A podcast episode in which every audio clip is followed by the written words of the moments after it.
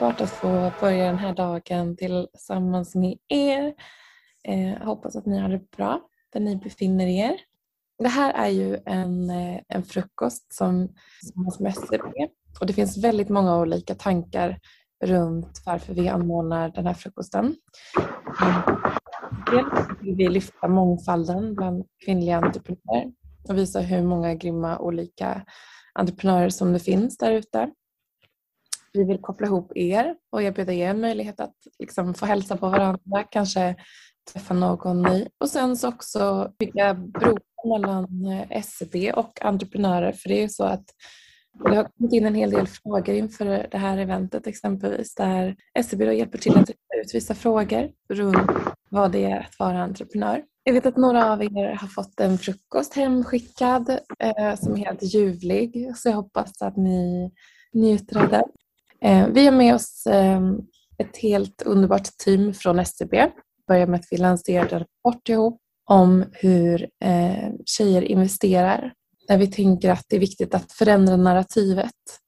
Eh, och när jag säger vi så är det vi är tre personer eh, som eh, jobbar på Feminvest. Och ehm, eh, vi är ett litet team eh, men som verkligen brinner för att göra en skillnad på olika sätt.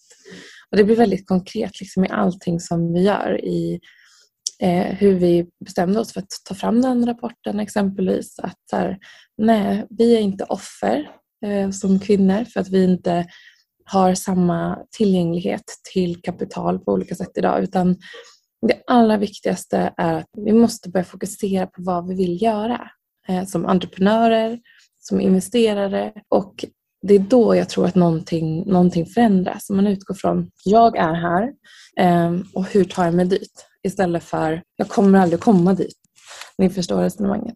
Och det är väl liksom, skulle jag säga väldigt mycket, väldigt mycket en, en, en liksom grundbult i allt som vi gör. Det är därför vi har Wednesday Pitch under, har vi haft under våren, pitch-event där vi presenterar och pitchar kvinnliga entreprenörer som vill skala upp sin verksamhet. Det är därför vi kommer med podden varje torsdag.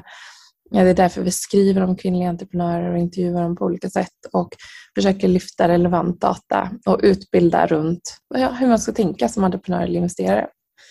Och eh, idag så har vi ju eh, SCB med oss så därför skulle jag vilja lämna över eh, till Daniel Fagerström som eh, kommer att moderera SCB. Jag ser Anna och Ulrika och Ameriko är med. Så hela teamet är med som ska vara med.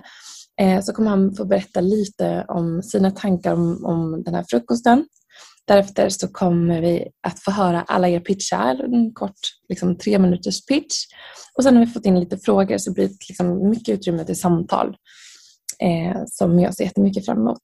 Eh, så tack för att ni är med. Och eh, Daniel, över till dig. Tack så mycket och återigen väldigt roligt att vi får vara med på ytterligare en frukost. Jag hoppas att ni alla har fått de här fina frukostpaketen hemskickade. Eh, men eh, sagt, tänker jag kan bara börja lite kort. Eh, Daniel Fagerström heter jag arbetar som kommunikationsansvarig för Private Banking och det gläder mig att vi återigen är med här i, idag. Nu har vi lite nya entreprenörer så jag tänkte bara dra lite kort om vad faktiskt Private Banking innebär. Och det innebär att i över 160 år så har vi utmanat marknaden eh, och lett utvecklingen inom just private banking-området.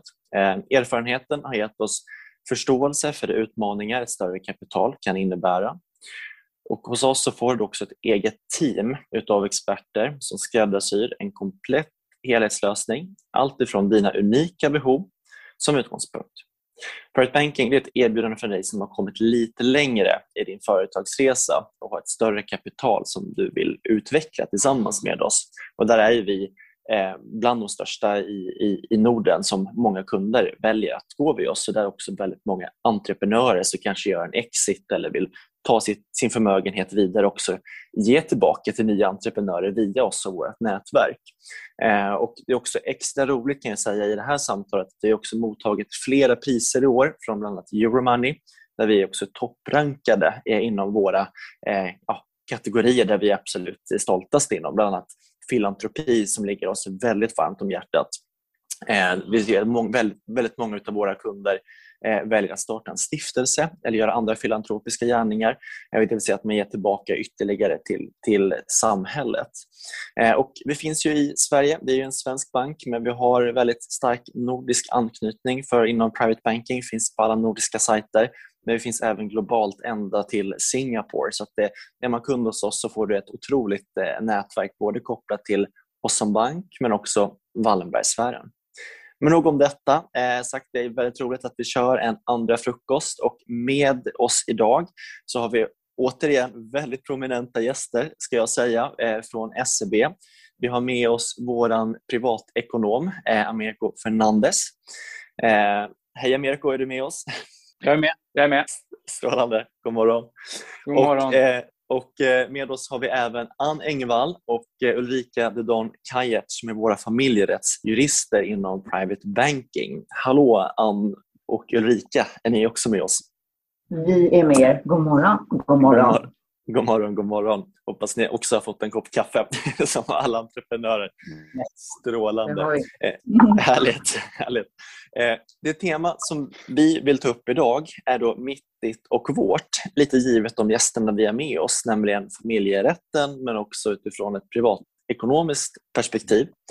Eh, och anledningen till att vi har valt det här temat är också utifrån de dialoger vi har haft med er på, på Feminvest att det här är ett väldigt viktigt tema Speciellt när man går in som entreprenör, du går in med eget kapital, du kanske alltså stöttar din partner eller din partner stöttar dig. Eh, stöttar dig. Eh, så finns det också väldigt mycket saker att, att tänka på där eh, när man då lägger in kanske e-, egna, med egna pengar och går in i, i bolagen. Eh, och Det här kan också påverka dig om någonting skulle ske med en familjekonstellation och så vidare. Så därför är det väldigt viktigt att bara poängtera och eh, reflektera lite över de eh, frågorna. Eh, men jag tänker eh, Ameriko som privatekonom, eh, mitt, ditt och vårt. Eh, vad är den vanligaste, liksom, vanligaste privatekonomiska frågan du får av eh, Eh, blivande entreprenörer? För du har ju tidigare varit vår företagsekonom tidigare också kan jag säga. Precis, precis. Eh, först och främst jättekul att vara här och otroligt taggad inför att höra på lite pitch och sånt där. Ni ser riktigt, riktigt taggade ut. Jag, om än kanske lite besviken, måste jag ändå säga att inte jag fick någon frukostkorg. Jag blev redan hypad när jag hörde att ni hade fått ut sånt här. Men jag får nöja mig med lite kontorskaffe, men skit i det. Eh, det har, apropå din fråga, liksom, vilken är den vanligaste privatekonomiska frågan av blivande entreprenörer? Det är det här med frihetskapital skulle jag säga. Ibland kan man eh, slänga sig med engelska ord kring det där, eh, vilket jag inte kommer göra för jag jobbar på bank. Men vi håller oss till frihetskapital. Det är nog den vanligaste frågan. Behöver jag ett frihetskapital? Hur mycket behöver jag för att kunna starta ett företag? För det där märker när vi när vi gör undersökningar. Vilken är den största anledningen till varför du inte startar en, en, en, ett företag eller blir entreprenör om du har en idé? Och det brukar all, nästan alltid landa i just det här med eh, likvida medel. Men jag har inte tillräckligt mycket buffert så att jag känner att jag kan ta den här risken, om man så kallar För det är ju en period där man behöver jobba väldigt hårt och försöka få igång sin verksamhet. Och det brukar oftast ta ett tag innan man börjar se lite, lite ekonomiskt flöde. Så just frihetskapitalet brukar vi oftast diskutera med våra blivande entreprenörer. Hur mycket behöver man? Såklart beroende på vilken typ av affärsidé man ska ha. Men vi brukar, på privatsidan brukar man prata om att man ska ha någonting mellan två till tre månadslöner. Förmodligen pratar vi som en framtida entreprenör, givet att man vill jobba ganska lugnt med sin eh, eller känna sig trygg med sin affärsidé så pratar vi kanske det dubbla oftast. Men det där är ju någonting som verkligen går från fall till fall. Men det där är en återkommande fråga.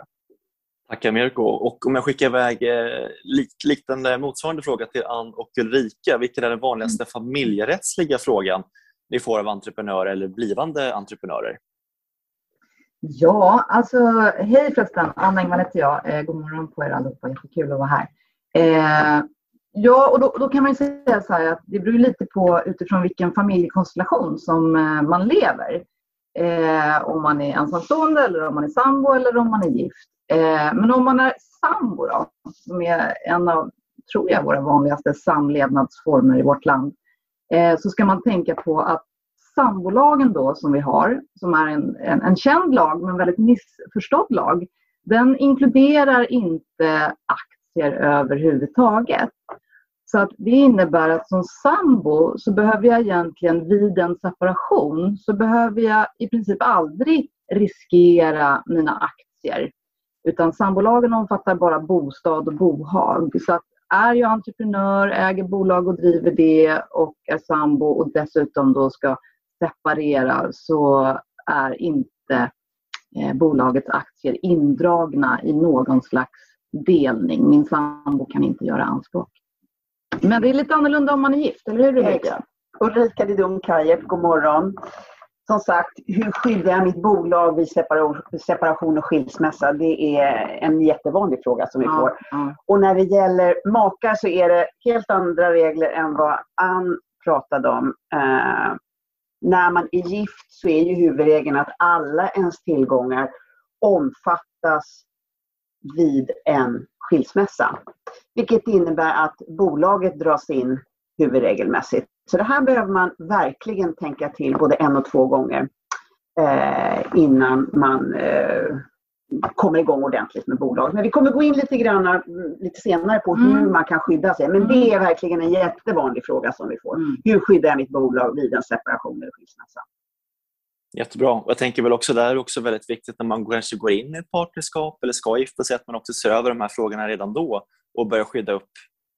Verkligen. Mm. Tidigt i era startups tänker jag. För att, eh, ju, ju, mindre värde ju bättre kan, kanske man kan säga när man ska prata om de här frågorna tillsammans med sin partner. Absolut. Sen kan vi då lägga till, vilket känns lite jobbigt kanske när man är så ung, men döden döden, den kan man alltid fundera på. vad händer med mitt bolag eh, när jag avlider? Vem är det som ärver det? Det kommer vi prata om också lite senare. Tack så mycket Anna Ulrika och eh, med det så lämnar vi över till, till dig Mikaela från SEB. Tack så mycket. Oh, det känns långt bort, det där med döden, döden. Även jag, jag berättade för min, min dotter, fyra år, så att härom natten så, så frågade hon lite och då man bara, oh, nu konfronteras man med den här, som jag förstått att många barn upplever i den åldern. Um, ja, um, vi har i alla fall tio grymma entreprenörer med oss idag. Jag känner några av er lite mer, några nya ansikten eh, som har hittat till oss på olika sätt.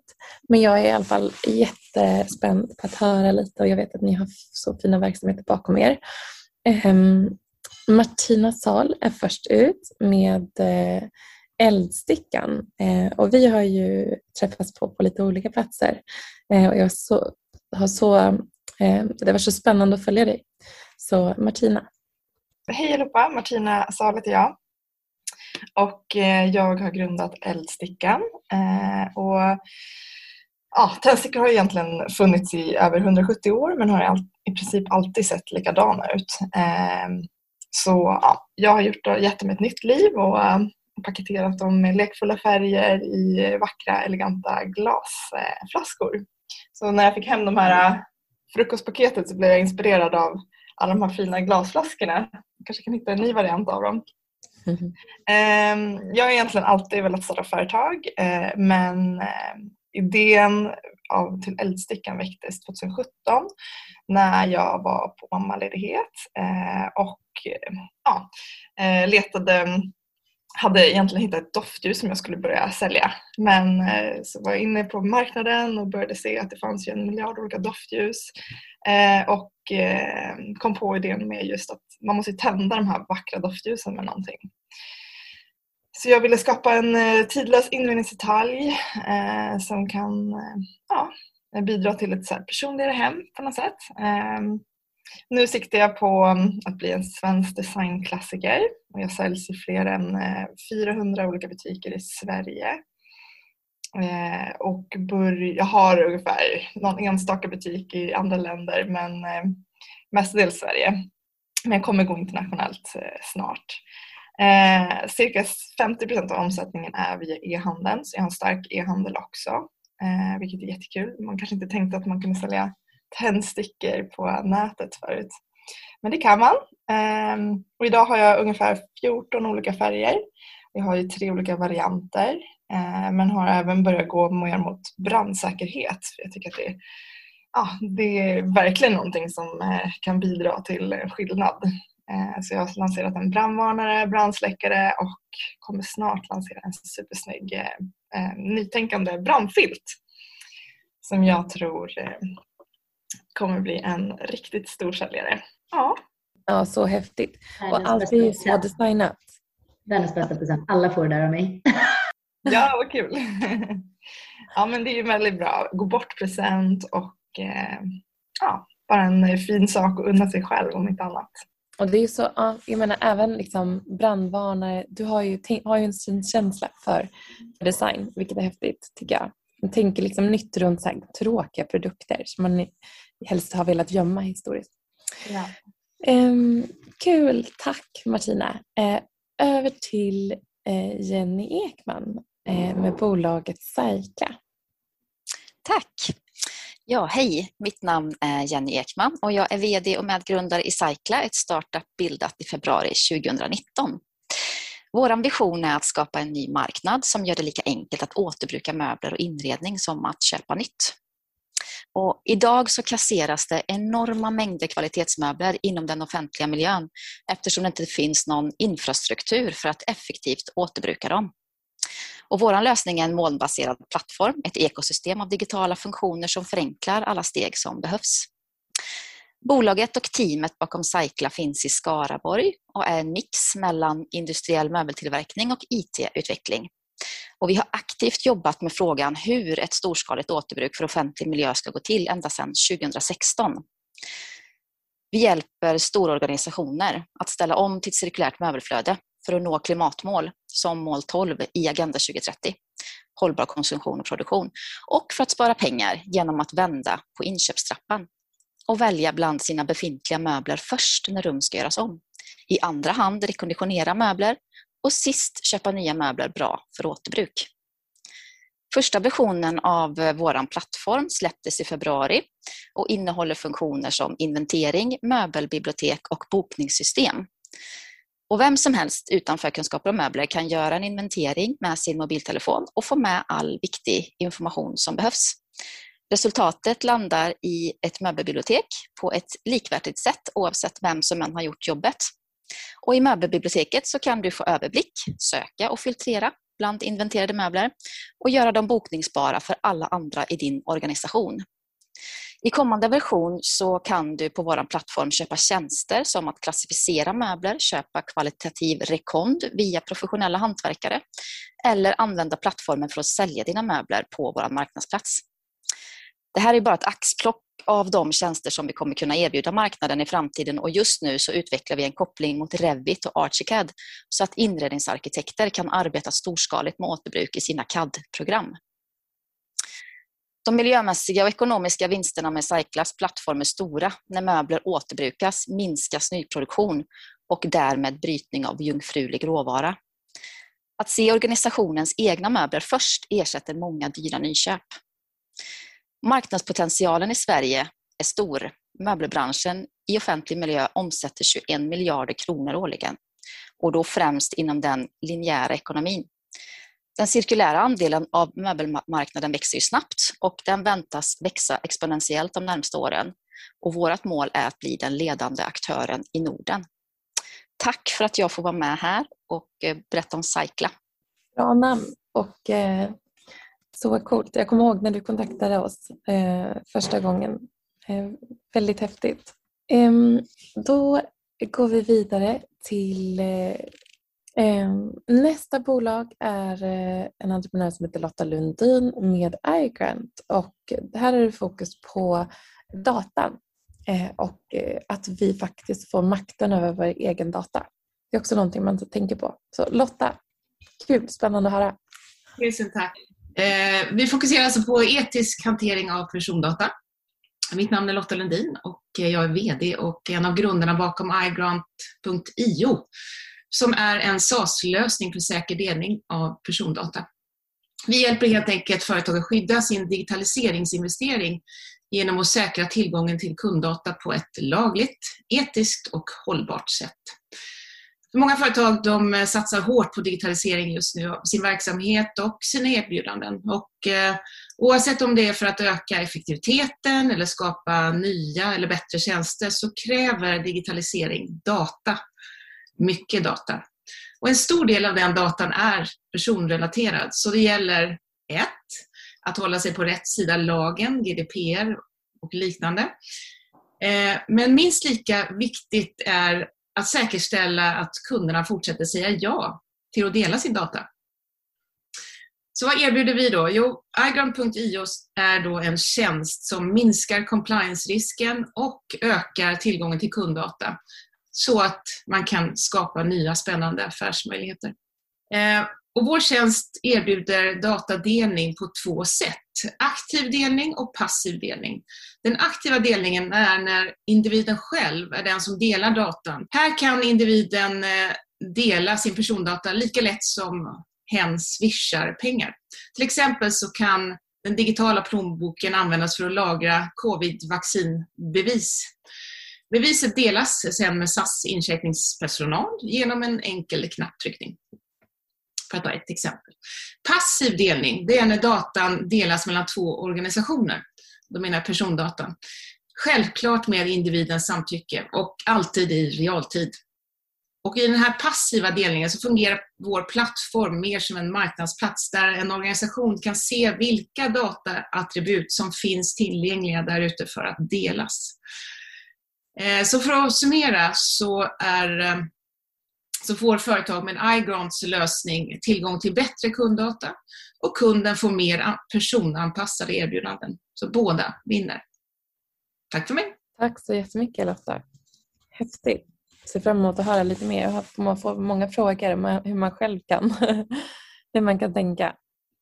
Ehm, då vi går vidare till en, en mer holistisk verksamhet som eh, drivs av Nina Sjögren Höö som har grundat World of Fires. Och det var efter en, en, en vistelse i New York vet jag. Hon hämtade sin inspiration och, och eh, tar fram underbara produkter eh, för en holistisk livsstil. Nina? Ja, hej! Eh, ja, som sagt, för några år sedan eh, jobbade jag i New Yorks modeindustri eh, och för att balansera ehm, den hektiska livsstilen så började jag träna yoga och pilates. Eh, och när jag såg hur mina kollegor och jag sprang runt med ja, två, tre väskor över axlarna och hur klumpigt det var så började idén till en ny typ av eh, träningsväska växa fram. Ehm, jag har i princip levt i modeindustrin i över tio år nu. Eller ja, jag började designa med min mormor när jag var liten så eh, jag har insett att hon är anledningen till att jag gör det jag gör idag. Och jag valde därför att döpa företaget efter henne. Eh, hennes flicknamn eh, var Fires och jag låter det representera glöden vi alla har inom oss. Och som liten handlade allting om klänningar men livet förändras och den här resan började med den där produktidén jag hade i New York. Eh, när jag kom hem till Sverige igen så pitchade jag idén till eh, Blekinge Business Incubator och eh, blev antagen. Eftersom jag visste att jag ville jobba med hållbara och innovativa material så tog det lite tid att hitta rätt. Men till slut så hade jag en fysisk produkt i handen en väldoftande gymklatsch. Det är en liten men multifunktionell väska som luktar gott. Eh, I klatschen får man plats med sina träningskläder och eh, Fires yogamatta. Och den kommer eh, då med en doft i form av en keramikplatta. Och doften är en kombination av eteriska oljor som har kombinerats för att hjälpa användaren att hitta fokus.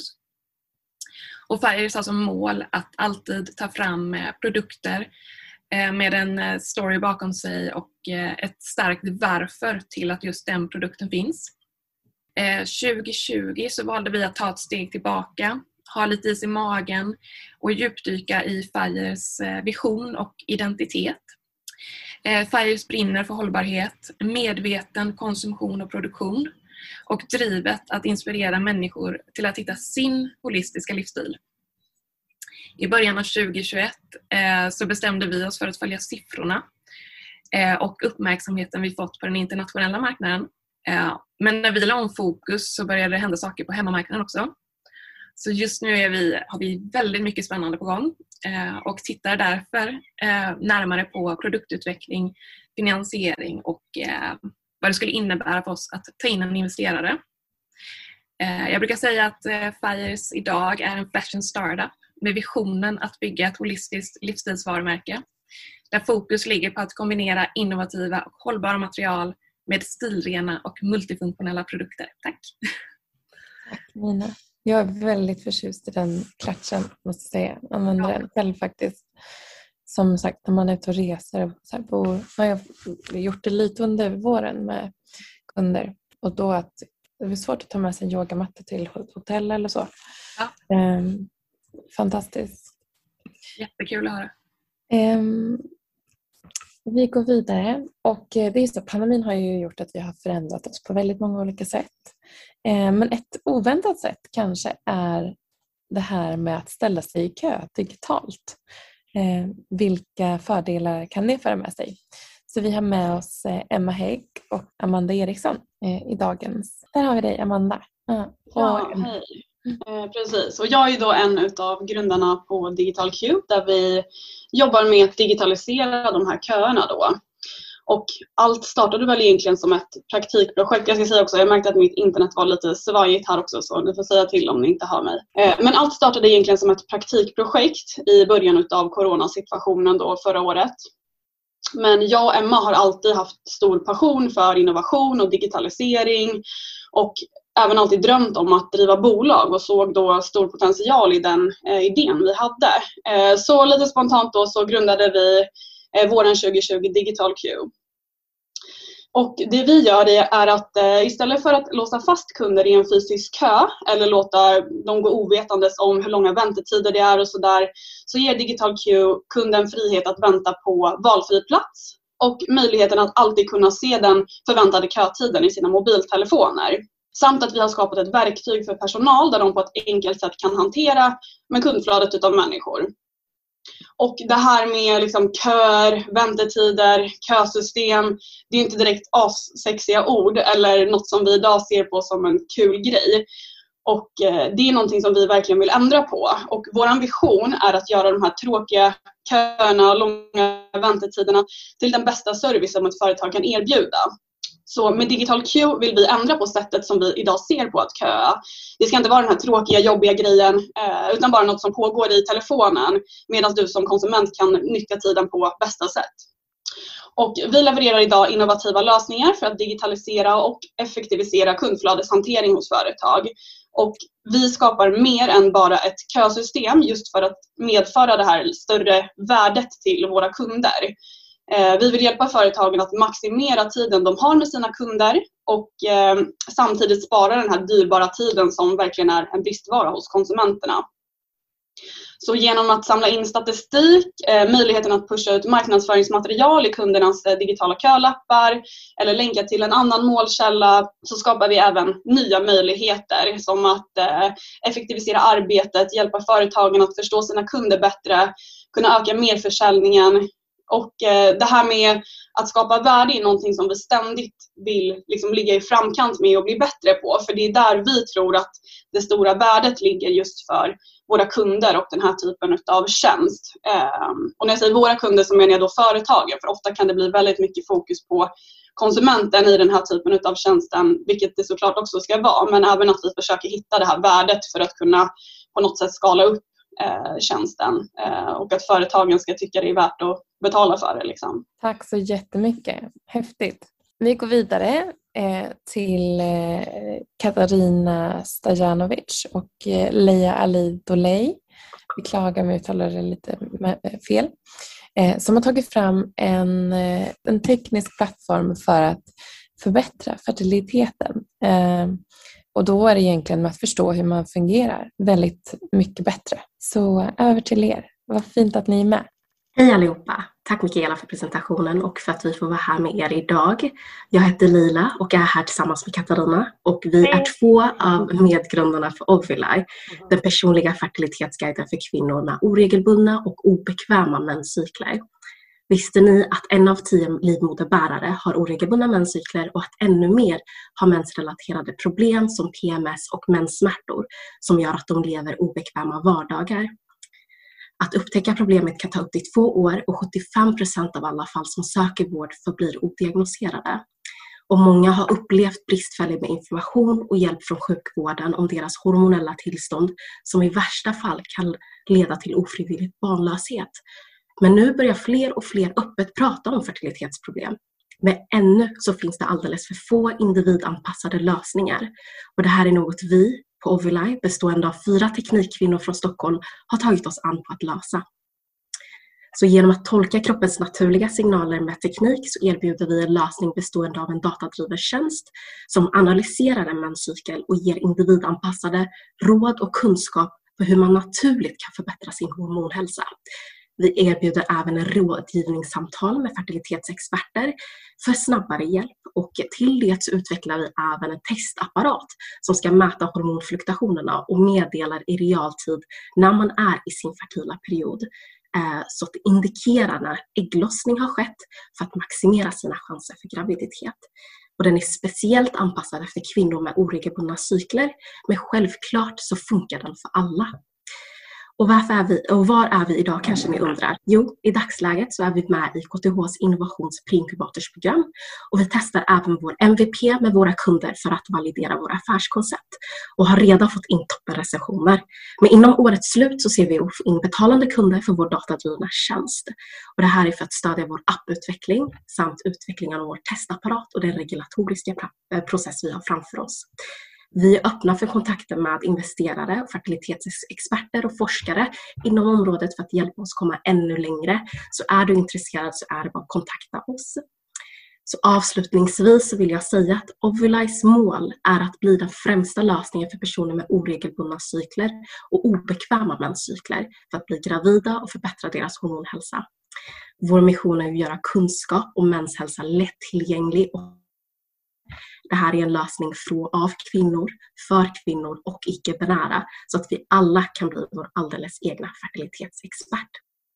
Mer om oss kan ni hitta på vår hemsida och ni får jättegärna följa vår resa på våra sociala medier och LinkedIn. Tack! Tack så jättemycket.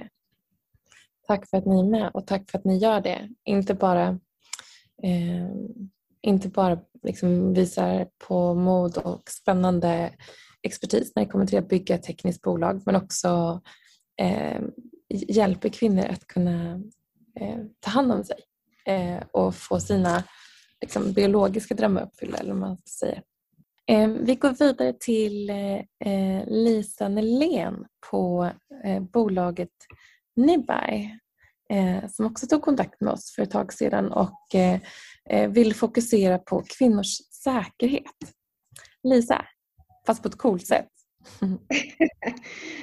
Precis. Eh, nej men jag heter Lisa Nelén och är grundare och VD till Nibie som jag brukar säga. Men man kan självklart säga Nibai också.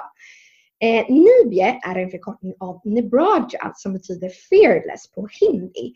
Och vi har utvecklat en säkerhetsklocka för kvinnor och hbtq plus-personer med målet att alla ska kunna leva ett tryggt och självständigt liv.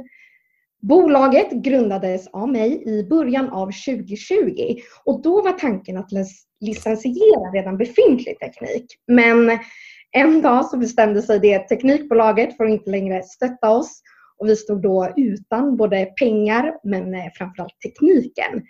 Eh, dock så vid den här tidpunkten hade Nibia hunnit växa och ändå bli ganska stort och mycket större än både mig och bara en idé.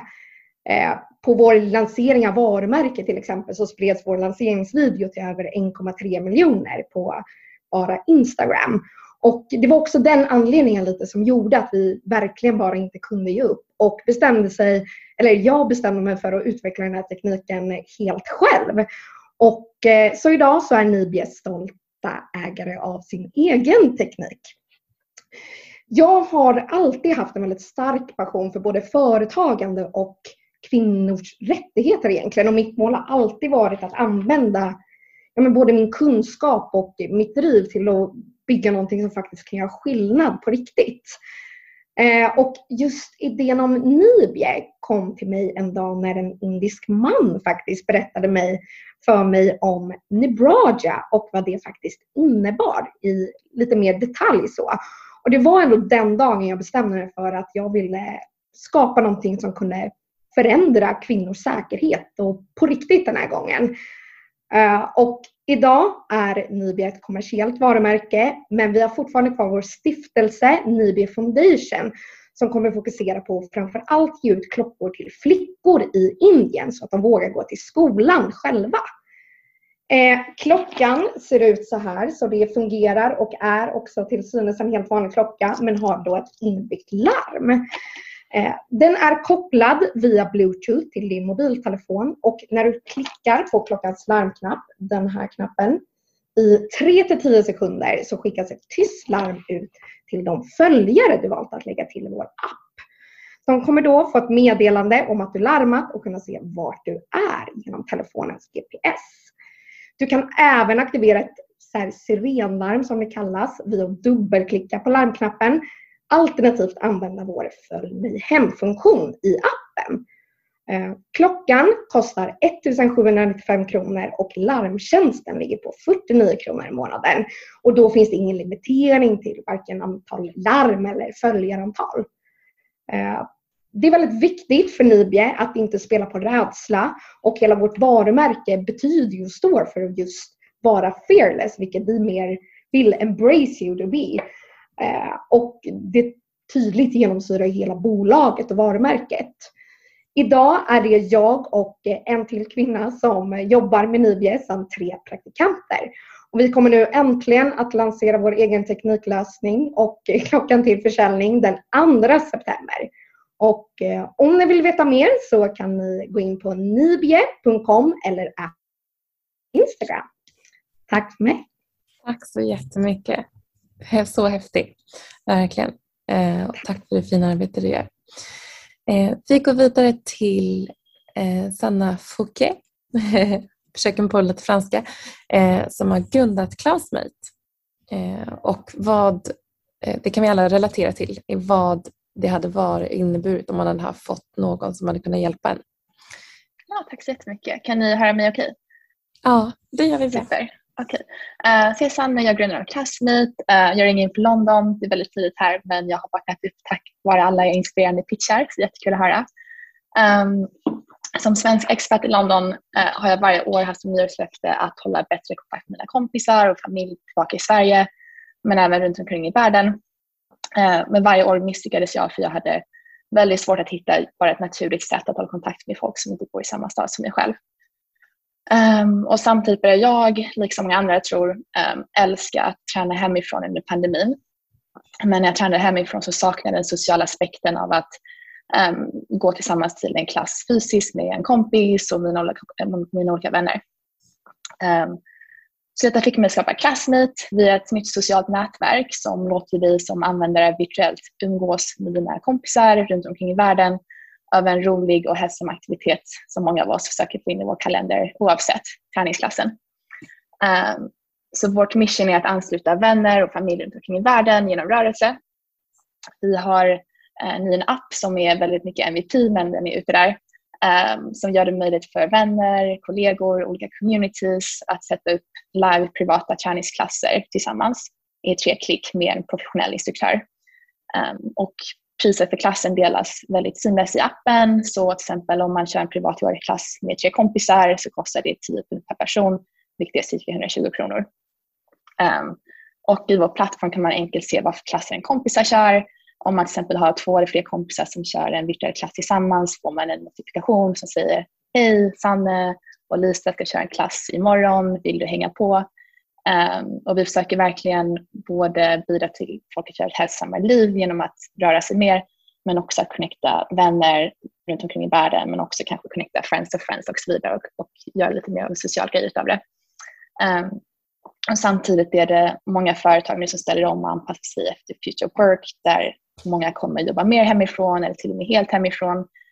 Um, så på, på företagssidan finns Classmeet där för att vara en connecta anställda och erbjuda ett naturligt hälsosamt sätt att umgås virtuellt. Um, och vi försöker återskapa den här sociala aspekten av att gå till en klass i en studio tillsammans med sina kompisar genom att i början av varje klass ha dedikerade um, socials där om det till exempel är en företagsklass, vi har fem minuters speed networking um, eller om det är en privat mindre klass att man bara har fem minuter att catcha upp med sina kompisar innan själva klassen faktiskt drar igång. Um, så vi är i publikbeta just nu. Vi finns på App Store och Google Play. Um, jag har byggt det mesta av appen själv och vi experimenterar fortfarande hej vilt med olika funktioner varje dag för att se vad användare gillar. Uh, men vi växer organiskt och har fått cirka 200 användare på två veckor.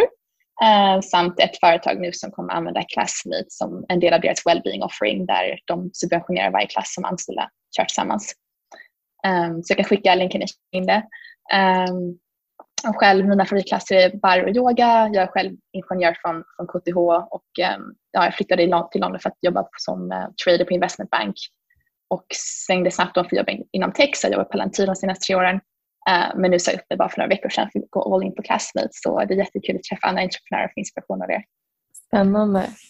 Häftigt. Och häftigt att du byggt eh, allting själv i stort sett. Coolt. Verkligen.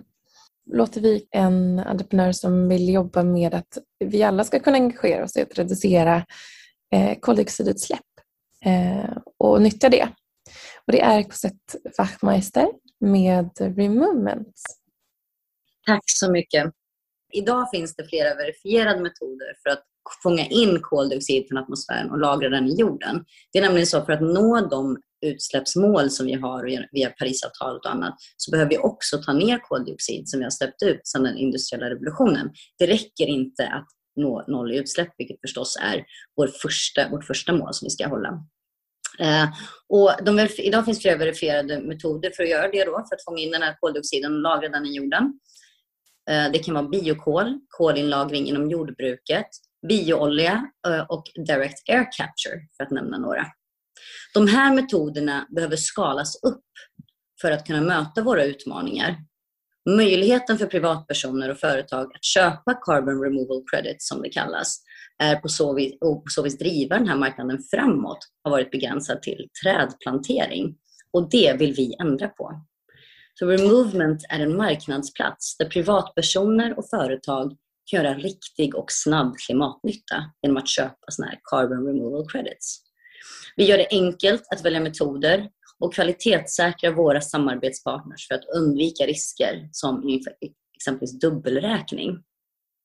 Vi sänker också tröskeln genom att hjälpa företag presentera sin klimatnytta för kunder, medarbetare och partners genom digitala verktyg som exempelvis en färdigutvecklad hållbarhetssida på webben, ett digitalt kit och ett eget inlogg där man bland annat får följa sitt bolags totala nedtagning av koldioxid över tid. För att hålla sig relevant på marknaden som både varumärke och arbetsgivare så behöver bolag ta klimatkrisen på allvar. Siffror visar att majoriteten av alla konsumenter av dagens konsumenter väljer produkter och tjänster efter varumärkets hållbarhetsengagemang. Och på samma sätt så väljer morgondagens arbetskraft faktiskt arbetsgivare. Och enligt BCG så blir företag som kopplar hållbarhet till kärnverksamheten mer framgångsrika än de som inte gör det. Så vi uppmanar därför, Removement uppmanar alla bolag att tydliggöra sina utsläpp, eliminera dem man kan och sen ta ner resten. Eller faktiskt till och med ta, mer, ner, ta, mer, ta ner mer än resten för att också komma åt historiska utsläpp. Så join the removement som vi säger. Tack, hoppas det hördes någonting. Nu hördes det ypperligt. Så Tack. Tack så jättemycket Cosette. Eh, och så lämnar jag då till sist över till Astrid Gyllenkrog Kristensen med Leia. Och det finns många appar som fokuserar på eh, bebisen, om man är gravid eller om man är gravidmagen, vad som händer med bebisen. Eh, det finns många verktyg som, som fokuserar på eller det finns flertalet som fokuserar på liksom det med att lära känna sin kropp som vi hört här tidigare. Eh, men vad händer efter att man har fått barn? Eh, återhämtningen för mamman. Och det gör, jobbar Leia med. Ja, mitt namn är Astrid och jag är VD och medgrundare till Leia. Och jag är här idag för att berätta om vår vision att förändra och förbättra livet för de nästa 280 miljonerna nya föräldrar. Jag har själv fött tre barn och har personligen fått uppleva det stora behov av stöd och guidning man har tiden efter förlossning. Och tittar man på kvinnlig hälsa så har det de senaste åren skett en enorm digital transformation. Vi har det precis mycket inom fertilitet och graviditet. Men tiden för efter förlossningen, postpartum, är någonting som har stått totalt orört med stora konsekvenser. För idag så eh, får 90 procent av alla kvinnor som föder fysiska och psykiska svårigheter året efter. Och självmord är en av de ledande dödsorsakerna för nya mammor globalt. Och en av tio män diagnoseras nu av förlossningsdepression med ett stort mörkertal när det kommer till psykisk ohälsa för föräldrar. Faktorer såsom låg tillgänglighet till vården, eh, avsaknaden på individanpassad information, men också det faktum att detta är ett väldigt stigmatiserat område, gör att miljontals nya föräldrar inte får den stöd, det stöd och den hjälp som de så desperat behöver.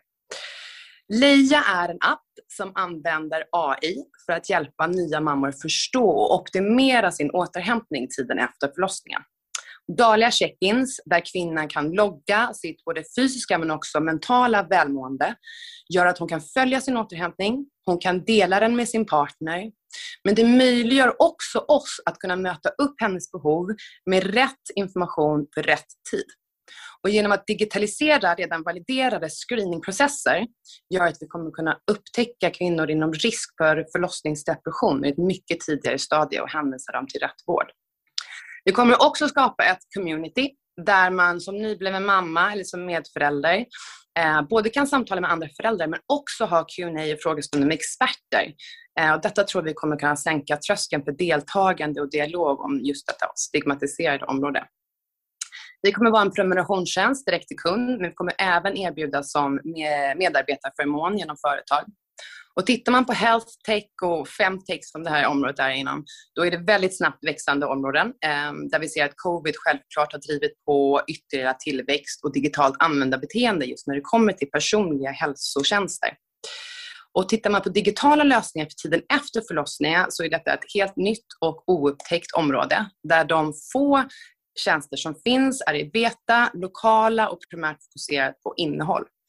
Så Leia har en väldigt unik position när det kommer till att vara en global AI-driven lösning för både kvinnan och partnern. Och under de senaste eh, månaderna så har vi byggt och börjat använda testa vår prototyp i våra tre största marknader. Vi har sammanställt ett medicinskt expertteam med bland annat Gudrun Abascal som är väl lite av en Oprah inom eh, barnmorskor i Sverige kan man säga.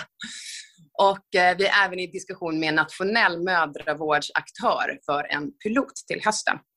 Teamet består av personer med genomsnitt av 15 års erfarenhet där vi har byggt och framgångsrikt lett globala tech och health tech-plattformar. Och just nu tar vi in kapital för att vidareutveckla produkten, bygga teamet och arbeta på product market fit i Sverige innan vi växlar upp internationellt. Så det här var efter mycket om och men, en liten kort presentation om Leia. Eh, och vill ni prata mer så är det bara att kontakta mig efter det här. Tack! Tack så jättemycket. Eh, så viktigt. Verkligen. Eh, ja, där har vi haft eh, alla entreprenörernas presentationer. Eh, underbar eh, ambition som jag alltid liksom fokuserar på, som jag sa i början. Eh, och eh, så häftigt hur långt ni har kommit redan. Eh, vi har ju med oss ett, ett team eh, då med Daniel i spetsen som har massa frågor till er och tankar utifrån det som har presenterats. Så jag lämnar över till dig Daniel. Tack för det Mikaela. Eh, återigen, jag blir alltid så otroligt liksom, energized att sitta och lyssna på alla de här eh, pitcherna och vilket otroligt entreprenörskap det verkligen finns i, i Sverige. Eh, vi kan bara gå lite laget runt från, från SCBs sida. Vi kan lämna lite feedback på det vi har lyssnat på. Jag tänker lämna över till Ann Ulrika. Vad är era reflektioner efter alla de här pitcharna?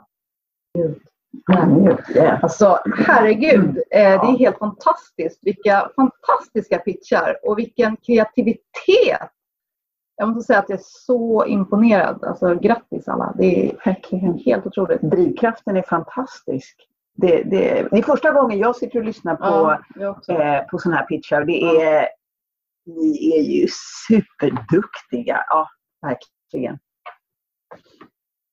Härligt. Eh, och Americo, du har ju jobbat med de här frågorna eh, innan du gick in på den här rollen du sitter på nu som företagsekonom. Vad dina reflektioner? Ja, nej, men, eh, to state the obvious, jag tycker ni alla är så jäkla grymma. Och framförallt, man blir liksom ja, men, taggad, inspirerad. Ni är framförallt enorma förebilder. Inte bara för att ni har valt steget att bli entreprenörer, vilket jag tycker kräver eh, otrolig liksom, Eh, ibland risktagande, för det är inte ett lätt steg att ta. Men framförallt när jag hör era liksom, affärsidéer. Det här med hur ni verkligen dels...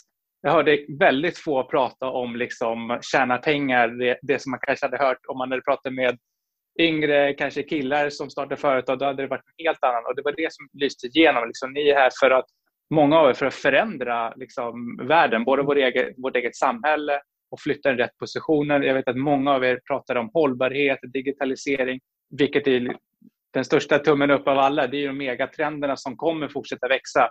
Så nej, jag kan inte säga mer än bara det ni alla vet, att ni har gjort ett fantastiskt jobb och jag önskar er all lycka till i er resa.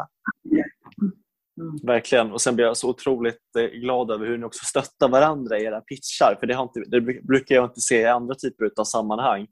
Eh, och att ni verkligen boostar varandra. Så det är en fantastisk eh, kraft. Eh, men som sagt, som vi var inne lite på i början utav eh, den här eh, sändningen. Det här kommer också bli en podcast, en live-podcast som kommer publiceras om några veckor. Så för dig som lyssnar in så är det här ett, ett samarbete med Feminvest och SCB. Och temat då från vår sida nu är ju då eh, mitt, ditt och vårt. Eh, och Det här är ett viktigt tema eh, för oss i, i SCB för vi vill ju verkligen säkerställa att man har Eh, en, en, håll, en hållbarhet också kring, kring sin ekonomi. Eh, och vi har fått in en hel del frågor, både från er eh, entreprenörer som är med idag, men också utifrån de kundmöten vi sitter med eh, daglig, dagligdags. Eh, ska jag säga. Eh, så jag tänker faktiskt vi kör igång frågebatteriet direkt. Jag tänkte vi börjar med några frågor som vi har fått in och så tänkte jag vi lämnar över till er som, som är med idag i sändningen så kan ni ställa frågor live till våra experter så ska vi besvara så, så gott vi kan. Men jag tänker Americo, ehm, pension det är en viktig fråga även i den här målgruppen. Hur, hur kan man stötta varandra där om någon är entreprenör och andra kanske jobbar heltid. Hur ser du på den frågan? Eh, först och främst jag småfnissade lite för jag, jag älskar pensioner men det är inte så många som trodde att man skulle sitta här kvart i nio eller halv nio och prata pensioner. Så, men det var en fråga som ni skickade in, mm. Eh, entreprenörer. Men på det temat, det är absolut någonting som är viktigt för egenföretagare. Bara liksom en, en kort reminder varför det är viktigt.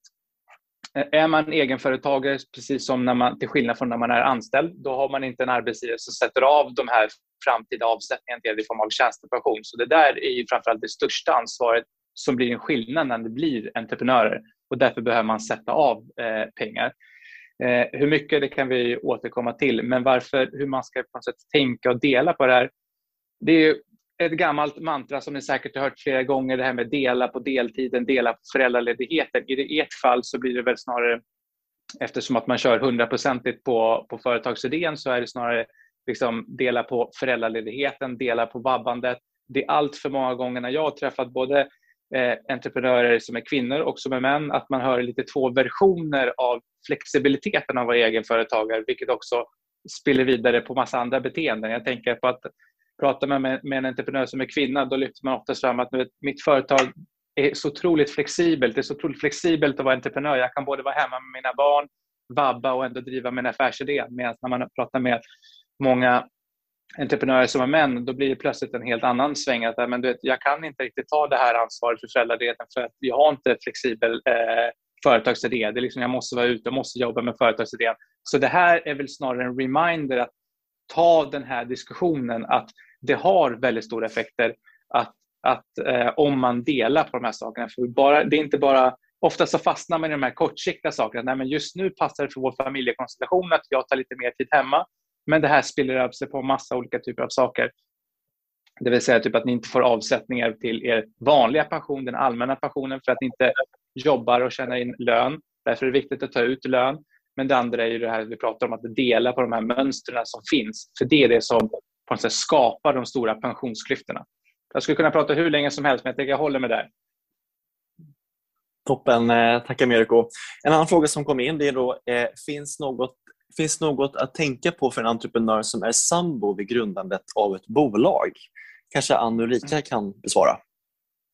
Absolut. Eh, som jag sa förut inledningsvis så kan man ju säga så här att eh, bolaget, om man är sambo, är skyddat från någon slags anspråk från den andra sambon om man skulle separera. Däremot så, det jag kan, kan eh, tänka på eller som ni kan tänka på, det är ju att när, vid grundandet av ett bolag, låt säga att man är sambo och en sambo har bidragit med pengar för aktiekapital eller liknande. Då tycker jag att det är viktigt, om ni är ensamma ägare till det här bolaget och, och vill vara det också, att man är tydlig med vad det här ekonomiska bidraget är. Om det är ett lån eller om det är en gåva och i så fall också liksom säkerställer med ett skuldebrev eller ett gåvobrev.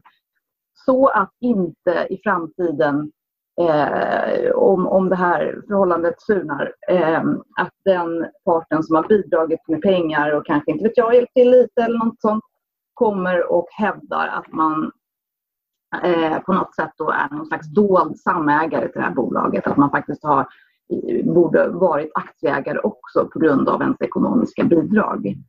Eh, men det är väl lite så här perifert. Men, men i övrigt som, som sambo så har ni liksom era aktier är era egna. Toppen. Eh, jag skrev precis där att ni får gärna skicka in era frågor i chatten så ska vi ta upp det. För ni har en unik möjlighet att prata med en av SCBs främsta expertis på frågorna. Så att nyttja tillfället, det är min, min, mitt tips här. Eh, jag tänker, du, var, du är ju pensionsälskare, på att säga, Americo. Det är en annan fråga som kom in här eh, också inför den här sändningen och det berör lite tjänstepension. Eh, hur ska man tänka där i entreprenör i, upp, alltså, i uppstartsfasen och kanske man har kommit lite längre? När ska man börja ta tag i de här frågorna tycker du? Ja, det första är att man, man ska eh, ta tag i de här frågorna förr eller senare. Mycket på grund av att idag har ungefär 9 av 10 i Sverige en tjänstepension. En av 10 saknar det. De som saknar en tjänstepension, som ofta också är egenföretagare, de får i slutändan ungefär 25-30% lägre pension än de som har tjänstepension. Så där får ni verkligen en, en känsla för hur viktig tjänstepensionen kommer att vara för er framtida liksom, levnadsstandard om man säger så. Men det kanske inte kommer först upp på listan för jag tänker framförallt som, som egenföretagare där ni kör allt, hela ett race på er företagsverksamhet. Det viktiga är faktiskt att börja, det första steget för pensionen, det är att börja ta ut lön. För tar ni inte ut lön, ja, men då gör ni inga avsättningar till det allmänna pensionssystemet, till sjukförsäkringssystemet till eh, föräldrapenningssystemet. Så det där är liksom det första steget, att börja ta ut lön. Sen finns det alltid olika taknivåer som man, man kan diskutera för att man inte ska betala för mycket skatt. Eh, och Det finns även tak i de här systemen för hur mycket man kan betala ut om man vill maximera de avsättningarna. Men när man har gjort det, man tar ut regelbunden lön, lön man betalar in till sina pensionsavsättningar, då tycker jag definitivt att tjänstepension är någonting man behöver tänka till om. För jag vet att man får göra avdrag för de här sakerna om man inte har en, en, en arbetsgivare, en arbetsplats där man får en tjänstepension. Då får ni fortfarande möjlighet att dra av det här. Jag minns för mig att det är ungefär 30% upp till en viss nivå. Så det där är pengar som ni kan faktiskt eh, använda som avdrag. Hur mycket ska man sätta eh, av? Det är den magiska frågan. Eh, jag skulle kunna göra det lite komplicerat och prata olika trappor, olika nivåer. Men säg någonstans för att matcha dagens eh, tjänstepensionsplaner för unga, så sätt av 6% upp till typ ungefär 45 000. Det är ungefär det belopp ni kan börja med att sätta av. Sen, ju mer man tjänar, ju mer man tar ut i framtiden så behöver man förmodligen växla det. Men det där är första steget. Bra, tack så mycket Ameriko. Väldigt konkreta råd. Det uppskattas alltid. Eh, en fråga till Ann Ulrika här innan vi strax... Vi fick in någon fråga här i chatten, ska ta den alldeles strax. Eh, men en fråga vi fick här på förhand är då eh, några familjerättsliga fallgropar inför en exit. Eh, och då kan du också bara förklara lite, Ann Ulrika, vad innebär en exit bara lite kort? Förlåt. Eh, ja, en exit. Alltså om ni i framtiden blir framgång eller ni är redan framgångsrika, men om ni vill sälja bolaget eh, och eh, göra er av med era eh, aktier. Det är ju så här att jag tror att vi är ganska skattefokuserade eh, traditionellt sett. Att det vi tänker på när vi ska sälja vårt bolag det är liksom hur kan vi minimera skatten eller gör, betala rätt skatt och inte för mycket skatt. Eh, och det är också bra att tänka på. Men rent familjerättsligt så kan man gå i vissa fallgropar där, eh, vilket händer. Eh, framför allt om ni är eh, gifta och äger ett bolag och har kanske dessutom ett äktenskapsförord så att ni har liksom skyddat det här bolaget vid en skilsmässa.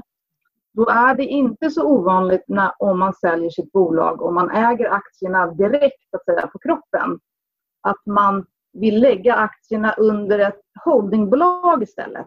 Och då gör man ofta någonting som kallas för ja, det blir lite tekniskt här, underprisöverlåtelsen. Det vill säga man säljer in sina egna aktier till ett holdingbolag så att man sen kan sälja aktierna och pengarna komma in i det här holdingbolaget så att det kan ligga där. Och här kan det hända då om man har ett äktenskapsförord där mina aktier är gjorda som enskild egendom, att när jag gör den här underprisöverlåtelsen så kommer mina aktier tappa skyddet som enskild egendom. För att nu ägs ju aktierna plötsligt inte av mig längre som privatperson utan av mitt holdingbolag. Så att här måste man se upp lite om man gör en sån transaktion eh, i framtiden. Så det är bara en liten tänk på att eh, på det. Ja, och jag, jag, hur, varför, hur skyddar man sig mot det då, menar du? Jo, då behöver man... Eh, det finns två olika sätt. Antingen så får man uppdatera sitt äktenskapsförord eh, och har man då en trilskande andra äkta hälft så, eh, och alternativet är att man ser till att starta det här eh, eh, holdingbolaget med pengar som är enskild egendom från början. För att då blir även det holdingbolaget enskild egendom. Jag tror egentligen att vi kanske skulle backa bandet eller bara ta grunderna från början. För just när det gäller äkta makar så är ju huvudregeln att alla tillgångar i ett äktenskap är giftorättsgods. Det är huvudregeln. Och vid en skilsmässa så gör man en bodelning. Alltså man, en bodelning innebär att makarna gör en likadelning av nettovärdet av alla tillgångar. Alltså även det man ägde innan och det man har förvärvat under. Mm. Vilket innebär att bolaget hamnar ju, om man inte har skyddat sig som Ann pratade om, så ingår ju bolaget i den här bodelningen. Som ägare av bolaget så har du, du har rätten att få behålla bolaget efter en skilsmässa men du måste kunna lösa ut din äkta hälft med, med hälften av nettovärdet av bolaget.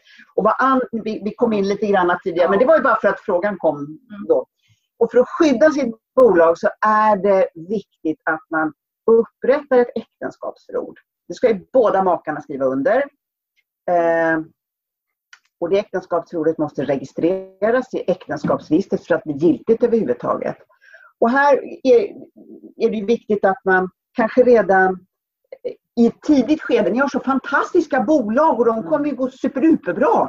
Och då är det ju viktigt att man kanske tar den här diskussionen med sin kära partner i början, redan nu, innan bolaget har blivit supermycket värt. Eh, för då kan det ju vara lite jobbigt att ta diskussionen kanske. Eh, men det är genom att upprätta ett äktenskapsförord som man skyddar bolaget. Och det Ann pratar om är också otroligt viktigt att man då tänker hur man formulerar det här så att om man skulle göra omstruktureringar att det eh, faller inom... Ja, det är lite färskvara. Såna här. Ja, precis. Ja, så vi fick en, en jättebra fråga. Eh, nu bara ska jag scrolla upp. Där, precis, och det var på äktenskapsråd. Precis. Mm. Om man skiljer sig utan äktenskapsråd, vad gäller om man inte avslutar eh, om man inte avslutar med en ordentlig juridisk giltig bodelning, alltså om man till exempel skulle sälja bolaget några år efter. Ja, om man då inte har ett äktenskapsförord, ja, då, eh, då, då, då, har ju andra parten rätt till, eh, till den här bodelningen, rätt till hälften av nettovärdet av bolaget. Och den bodelningsrätten den ligger ju kvar. Eh, så det är ingenting som, det är ingen färskvara så utan även om man säljer bolaget så, så finns ju den här eh, Ja, det finns liksom ingen bortre tidsgräns på det. Nej. Eh, jag går och hämtar en laddsladd. Så det är inte så att man kan stoppa huvudet i sanden och tro att ah, men, eh, min, min man eller min fru säger ingenting. Eh, utan det här måste man ta tag i och göra en bodelning för att det är liksom ingen rätt som släcks. Bra, så fick vi in en till fråga här. Ska vi se om jag kommer åt chatten här. Um, ska vi se. När man, när man ska skriva avtal mellan medgrundare, vilka överenskommelser är det viktigt att tänka på och definiera? Ja, eh, jag gissar att ni tänker då på eh, aktieägaravtal. Och eh, ett aktieägaravtal kan, är jättebra att ha om man är två eller flera ägare. Och det finns ju oerhört många frågor man kan eh, avtala om ett aktieägaravtal. Det kan ju handla om allt från hur verksamheten ska bedrivas Eh, vad ska gälla om en aktieägare vill sälja eller överlåta sina aktier? Vilka krav ska man ställa på engagemanget i, i bolaget? Vad händer om en av eh, delägarna blir långvarigt sjuk? Eh, får man vara med i konkurrerande verksamhet? Alltså det finns oerhört många frågor eh, och det är superviktigt tycker jag om man är två eller flera ägare att man pratar om de här frågorna i tid och, och kommer överens så att man har en, en samsyn där. De här frågorna, så, så det tycker jag absolut att ni ska ha hjälp med och, upprätta sådana aktieägaravtal. Då. Jättebra. Eh, eh, besvarade det, det din fråga Martina, du, som du skickade in här i, i chatten? Ja, men om man då har gjort upp eh, så, ja men okej, men eh, bolaget är värt eh, det här och det här just nu så vi, vi delar upp så att du får hälften av det värdet som det är just där och då. Avslutas det där och då då eller hänger det fortfarande kvar att... Ja, men, Pratar du om, om en skilsmässa nu eller? Ja. Om ni har upprättat ett korrekt ett, ett bodelningsavtal mm. där ni förklarar er nöjda med den här bodelningen och nu har vi inga ytterligare krav på varandra så, så får man ju anse det avslutat där och då. Men om ja. det här bodelningsavtalet inte riktigt är 100% juridiskt rätt då? De säger ah, men okej, vi, vi är överens eh, och sen så några år senare så är bolaget värt mycket, mycket mer och då säljs. Kan den parten då komma och säga att ah, men nu Jättesvårt att svara på såklart. Men, men om det finns ändå ett avtal i botten där man har överenskommit så att säga vad värdet är och att det är tydligt att det här är en bodelning på grund av en skilsmässa till exempel och att du, ena parten behåller aktierna och den andra parten får en, en summa pengar för det så eh, Ja, men det är klart, allting kan hända. Man, man kan ju bråka om allt eller eh, så, men eh, det, det går liksom inte riktigt att svara på. Nej, men jag förstår. Mm. Men jag tror bara att det är viktigt att, så att mm. folk vet om att det är, att man måste Ja, det är jätteviktigt. Ja, verkligen. Superviktigt. För den där, just mellan makar så ligger den här rätten till mm. bodelning kvar. När det gäller sambor så är det, ja nu omfattas ju inte bolaget av sambolagen ändå så det behöver vi inte gå in på. Nej, okay. Ja, men super. Vi ska bara runda av lite. Så jag tänker bara, Ameriko, utifrån allting du har hört nu här, vad är ditt eh, bästa privat eller företagsekonomiska tips för en lyckad entreprenörsresa som du vill skicka med eh, entreprenörerna i den här sändningen? Ja, nu har ju alla ni kommit väldigt långt, men det vanligaste tipset jag pratar om det är oftast handlar om att göra, göra så mycket av jobbet man kan innan liksom man, man fortsätter att växla upp. Så att säga. För jag menar, alla de här det här med att prata ekonomi och sånt där som vi har pratat nu om tjänstepension, om, om pension och hur man ska dela på ekonomin. Det där är jättesvåra frågor att liksom ibland ta upp med sin partner under företagsresan. Så min bästa, mitt bästa tips är att försöka klara av de här så tidigt som möjligt så att ni kan fokusera 100% på er företagsverksamhet så att man inte liksom tappar momentum på grund av sådana här tråkigheter. Toppen. Och jag skickar egentligen iväg motsvarande fråga till Ann och Ulrika. Vad är era bästa tips eh, när man sitter som entreprenör utifrån ett familjerättsligt eh, perspektiv? För det är väl frågor man ska tänka på även som entreprenör? Absolut, och det är väl alltid att rekommendera att man har en genomgång med en familjerättsjurist så man åtminstone så man vet sina förutsättningar och vilka papper som behöver skrivas för att man ska känna att man vet vad som händer om det skiter sig rent ut sagt. Ja, och att det är lite färskvara. Alltså livet förändras. Eh, man gifter sig, man skiljer sig och man får barn och så vidare. Det är ingenting som är statiskt utan det är någonting som kan förändras genom livet och behöva ändras och uppdateras. Mm. Mm. Och jag tänker, vad, är det värsta som, vad är det värsta som skulle kunna hända, Anna Ulrika, om man inte ser över de här frågorna? Mm, alltså som framgångsrik entreprenör. Mm. Klart kan ju vara att man är tvungen kanske att sälja sina aktier för att man inte har råd att lösa ut sin eh, andra hälft, så att säga. Eh, eller att man behöver få in ägare i det här bolaget som man inte egentligen alls har lust med. Mm. Mm. Så viktiga frågor eh, som ja, vi har... Jag såg, i, jag såg i chatten också att mm. det var en av er som kommenterade att så viktigt att det här äktenskapsrådet skickas in för registrering. Jag, jag, sa det, men det kan inte nog eh, understrykas att äktenskapsrådet måste alltså registreras för att bli giltigt. Fast vi tänker på det. det är... Bra medskick Ulrika och Ann. Eh, och sagt viktiga frågor. Till att era utdelningar också blir mm. enskild egendom. Ja, just det. Inte bara aktierna i sig utan framtida utdelningar. Precis, och även utdelningar. Så det är bra medskick. Så, eh, viktiga frågor som sagt eh, som vi ville eh, approchera här från SCB kring mitt, ditt och vårt. Viktigt för att ha en hållbar ekonomi och hållbar entreprenörsresa framgent. Så vi tackar att vi fick vara med i den här frukostpitchen och glöm inte att följa oss på LinkedIn och connecta gärna med oss som är med i samtalet där.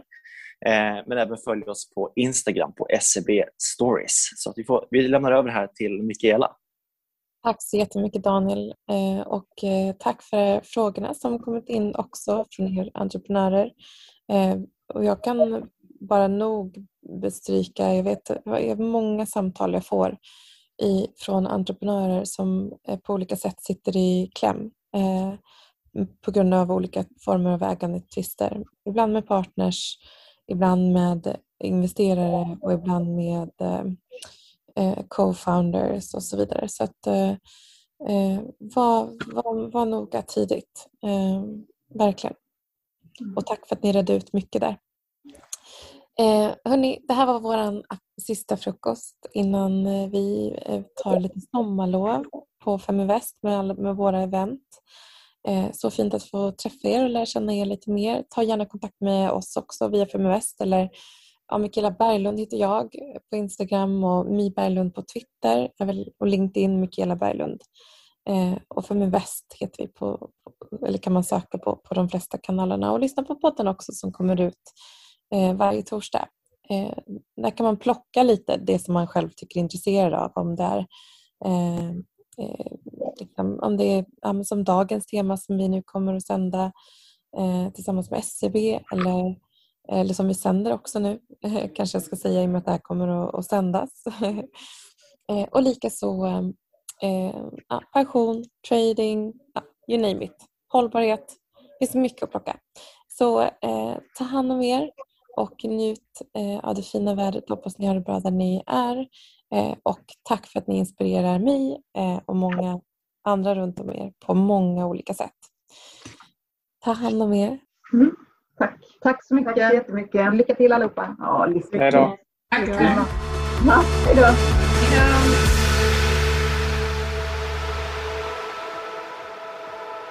Feminvest är Sveriges största investeringsnätverk för tjejer.